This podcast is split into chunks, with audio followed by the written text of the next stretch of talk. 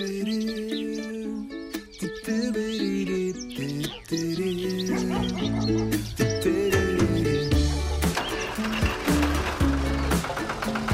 setve do žetve.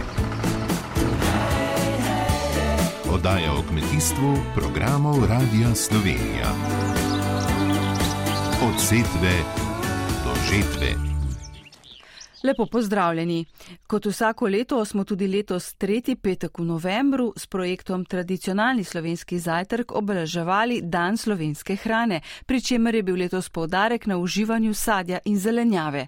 Vse glasnejši pa so tudi pozivi k nadgradnji projekta v teden tradicionalnih jedi iz slovenske kulinarike, kot so ajdovi žganci, prežganka, prosena mlečna kaša s suhimi slivami in druge.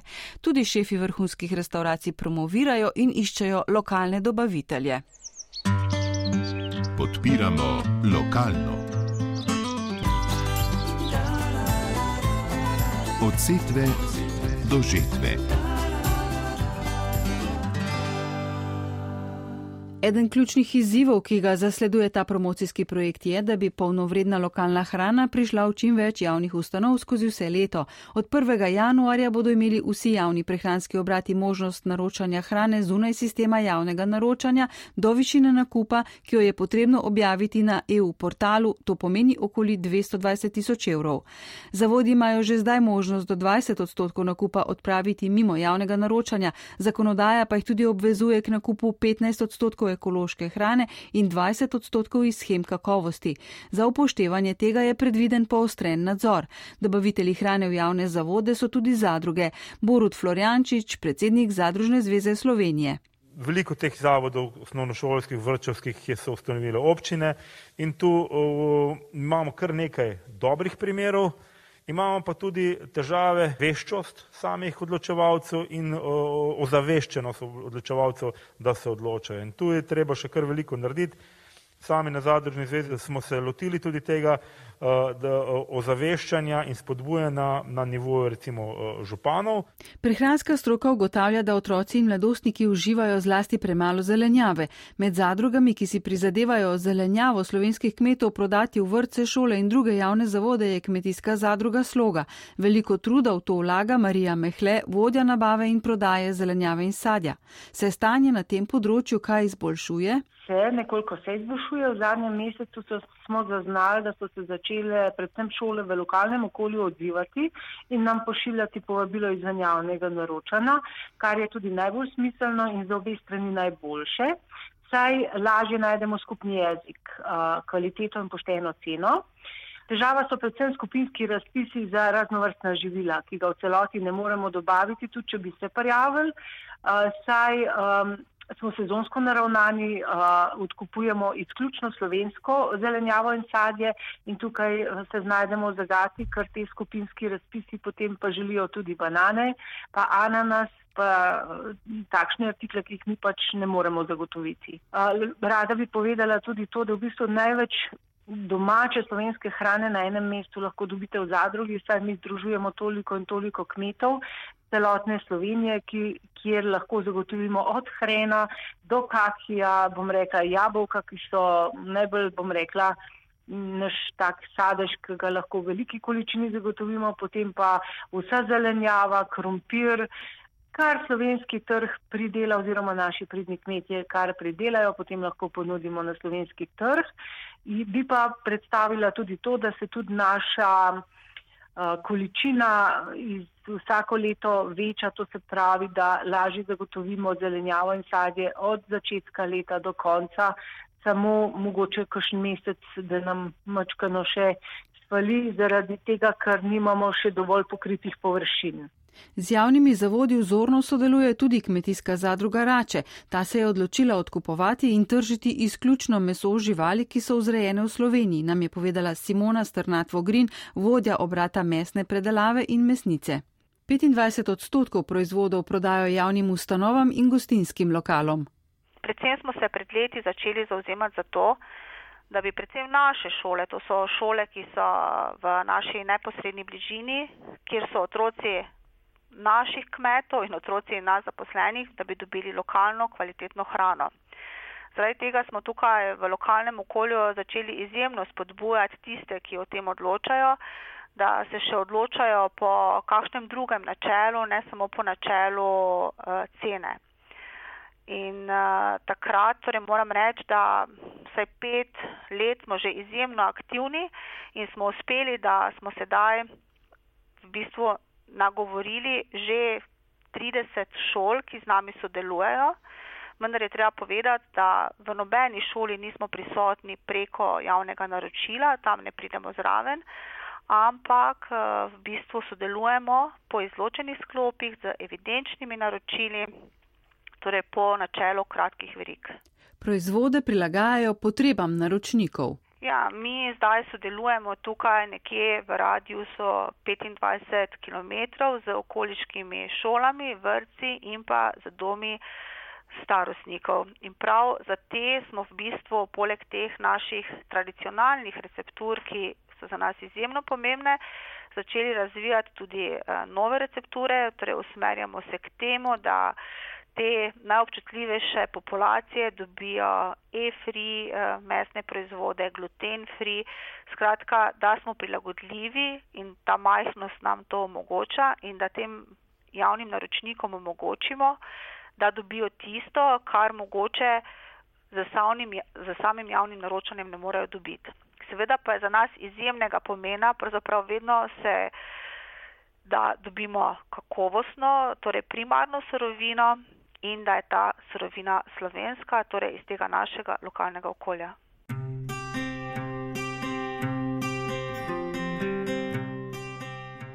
Zdaj pa k pripravi petletnega strateškega načrta skupne kmetijske politike, ki je v drugi javni razpravi samo še do 25. novembra.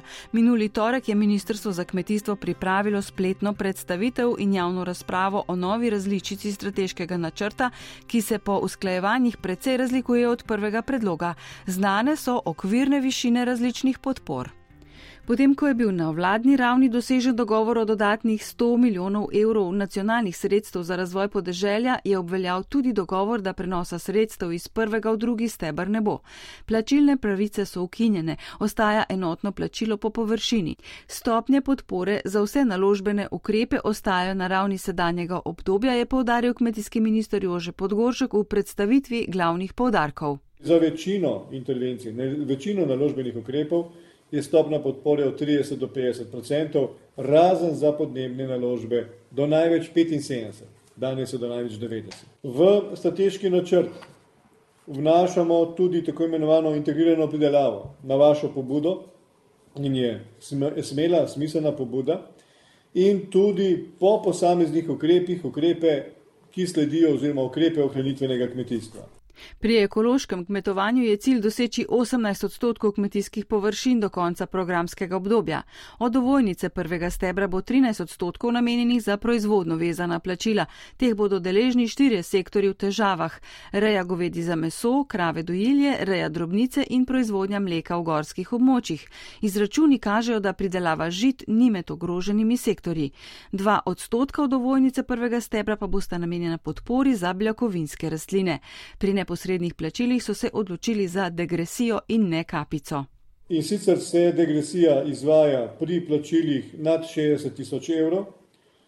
Eh, stopna, stopna degresije se z višanjem vrednosti na posameznega nosilca, na posamezno kmetijsko gospodarstvo povečuje in na podlagi zdajšnjih podatkih ugotavljamo, da, imamo, eh, da je ta učinek letno na nivoju okoli 1,3 milijone evra. Ta sredstva bomo premeščali kot del obveznih prerazporeditvenih plačil na prve hektare. Ravno tako smo se na koncu dogovorili za degresijo na OMD, ne za kapico, ampak degresijo in sicer od 50 hektarov naprej, nad 100 hektarov pa se plačilo zniža na 40 odstotkov, torej ni več tako imenovane kapice nad 100 hektarov, enako je tudi pri neposrednih plačilih, torej zadnja stopnja znižanja pri najvišjih zneskih je 40 odstotkov. Pri investicijskih ukrepih, poznanih kot ukrepi 4.1, so se dogovorili za najvišji znesek sofinanciranja na upravičenca v celotnem programskem obdobju. Ta znaša 800 tisoč evrov in je enak za vse, ne glede na pravno organizacijsko obliko. Ta dogovor zagotovo prinese to, da bomo proti koncu programskega obdobja, verjetno na nekaterih kmetijskih gospodarstvih, že prišli do te kvote in zato predvidoma bo večje število drugih kmetijskih gospodarstv lahko prišlo do dodatnih sredstev, ehm, kar v tem programskem obdobju zaradi ehm, milijon 750 tisoč višine pri podjetjih te omejitve ni bilo. Ravno tako smo se dogovorili, da omejimo kandidiranje na javne razpise in sicer samo enkrat za isti tip investicije. Za investicije v živilsko predelovalnem sektorju ohranjamo zdajšnje višine možnosti maksimalnega zneska no, v celotnem programskem obdobju. Pri investicijah bodo v finančnem smislu najmočnejše tri intervencije in sicer za dobrobit živali, za namakanje in prilagajanje na podnebne spremembe in za modernizacijo in digitalizacijo kmetijsko-živilskega sektorja. Novost v novi perspektivi je zahteva, da so strateški načrti v državah članicah bolj okoljsko naravnani. Neposredna plačila bodo za 25 odstotkov nižja, kot bi bila, če te zahteve ne bi bilo. Torej, če imamo mi 650 milijonov na prvem stebru, namenjenih za neposredna plačila, bo neposredno kmetijam razdeljeno 25 odstotkov manj teh sredstev. Kajti za drugih 25 odstotkov te zelene arhitekture bodo morala pa kmetijska gospodarstva narediti nek nadstandard. Okvirno bo osnovna dohodkovna podpora oziroma osnovno enotno plačilo znašalo 156 evrov na hektar. K temu bodo kmetje lahko dodajali ukrepe zelene arhitekture in sicer iz programa za podnebje in okolje SOPO, kjer je 7 ukrepov za travinje, 10 ukrepov za nive, 11 ukrepov za trajne nasade in 2 ukrepa povezana s krajino. Strateški načrt veliko težo polaga tudi verigi preskrbe s hrano, predvsem povezovanju in sodelovanju. Poleg osnovnega enotnega plačila je minister predstavil tudi nekatere druge okvirne izračune.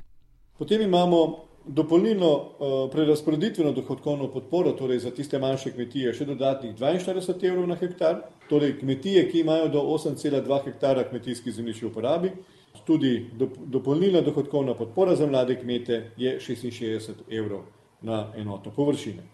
Izpostavil bi še uh, proizvodno vezana plačila, za mleko v gorskih območjih je predvidena na nivoju okoli 100 evrov na, na žival. Zakaj? Če bo več živali, bo ta uh, znesek malo manjši, če bo manj živali, bo ta znesek večji.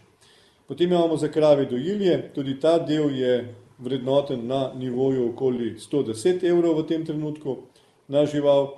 Za rejo govedi uh, je na nivoju okoli 90 evrov, torej dokaj tam nekje uravnotežena plačila eh, na žival, skoraj lahko rečemo na GVŽ, no?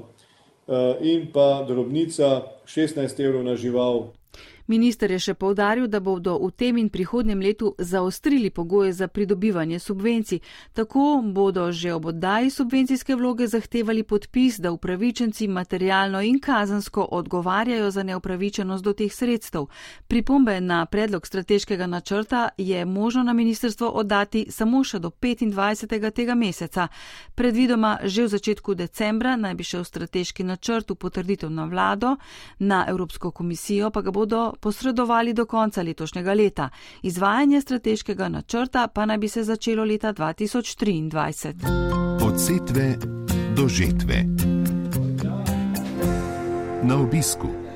Reja drobnice je bila vedno potisnjena na rob slovenske kmetijske politike. Kot opozarja Roman Savšek, predsednik Zveze društv rejcev Slovenije, bo glede na novo različico strateškega načrta skupne kmetijske politike zapostavljena tudi v naslednjem petletnem obdobju. Savška, ki je eden večjih rejcev in tudi organizator enotnega trženja mesa drobnice, smo obiskali na njihovi kmetiji v Podkumu. V težkih pogojih v zasavskih strminah obdelujejo okoli 35 hektarov sicer pa za prodajo mesa redijo 280 plemenskih ovc oplemenjene jezersko-solčavske pasme, ki se je uvrstila med avtohtone pasme. V tem času so živali že v hlevu z izpustom, izpolnjujejo namreč tudi standarde dobrobiti živali in ekološkega kmetovanja. Kljub temu samo s prodajo mesa brez subvencij ne bi preživeli. Zato je za vse rejce drobnice, ki praviloma obdelujejo neugodna območja, vsak ukrep kmetijske politike v prihodnji perspektivi še toliko bolj pomemben, povdarja Savšek. Reja drobnice je v Sloveniji nekako izrinjena na rob. Tudi podatki zadnjih let, zadnjih desetih let kažejo, da je stalež živali v upadanju. Mi smo dejansko bliže na 170 tisočih živalih, trenutno se jih redi v Sloveniji dobrih 120 tisoč. Zdaj, zakaj prihaja do tega? Del je tudi demografske narave, reci so starejši. Za mlade prevzemnike v bistvu ni zanimiva ta panoga, ker je ekonomičnost zelo slaba. Po drugi strani pa lahko z gotovostjo rečem, da je tudi zgrešena kmetijska politika v zadnjih desetih letih na tem področju. Vi pravite, da ste zelo razočarani, da v strateškem načrtu ni prave perspektive za drobničarje.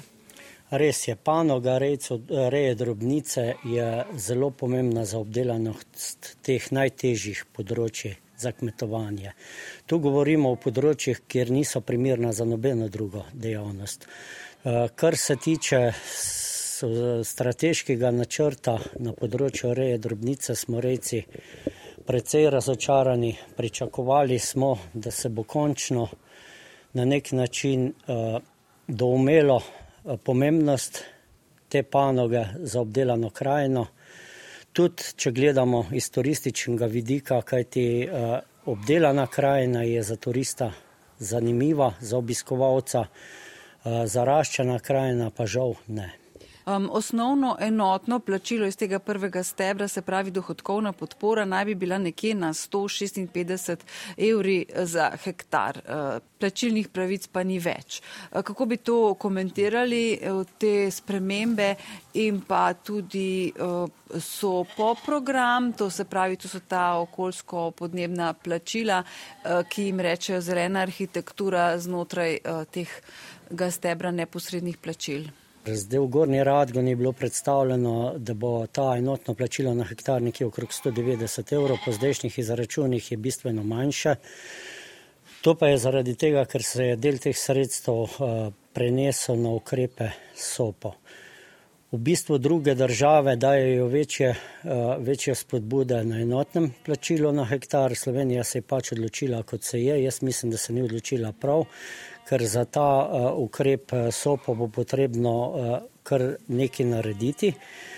Se zna narediti, da bo je do ta sredstva, ker jih rejci ne bodo mogli koristiti, ostala v Bruslu. Za same rejce drobnice, intenzivne, bolj intenzivne rejce drobnice, dejansko v, tem, v tej schemi SOPO nimamo niti enega ukrepa, ki bi ga lahko koristili.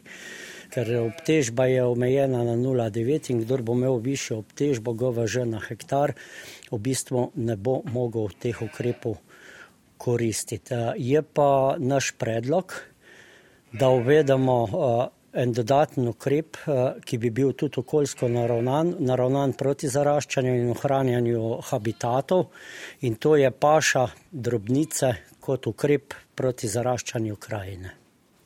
Potem so pa še proizvodno vezana plačila. Pri tem pa je, so rejci pravzaprav med redkimi, ki so upravičeni do teh plačil po izračunih, ampak tukaj so pa plačila pravzaprav zelo majhna.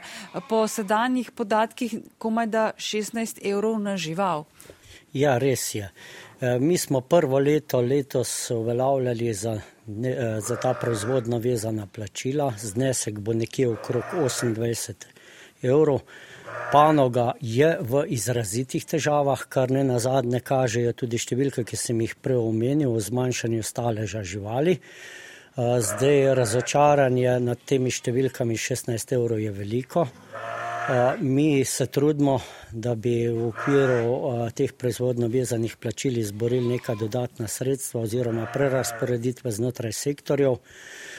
Tudi strani ministra je bila na zadnjem sestanku pri njemu dana obljuba, če se bojo ukinila strna žita, da bomo tudi rejci drobnice deležni dela teh sredstev, vendar pa se žal to ni zgodilo priporočena, nekako zaželena uh, višina uh, te podpore je nekje 30 evrov na žival. Po novem predlogu strateškega načrta se ukinjajo plačila za strmine S35 in S50.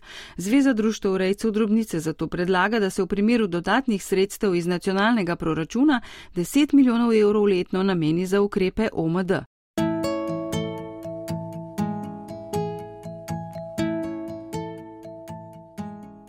Spoštovani poslušalci in drage poslušalke, toliko v tem tednu. Odajo sem pripravila Jrnej Kadrolec, za zvočno izvedbo je poskrbel Jon Črgan.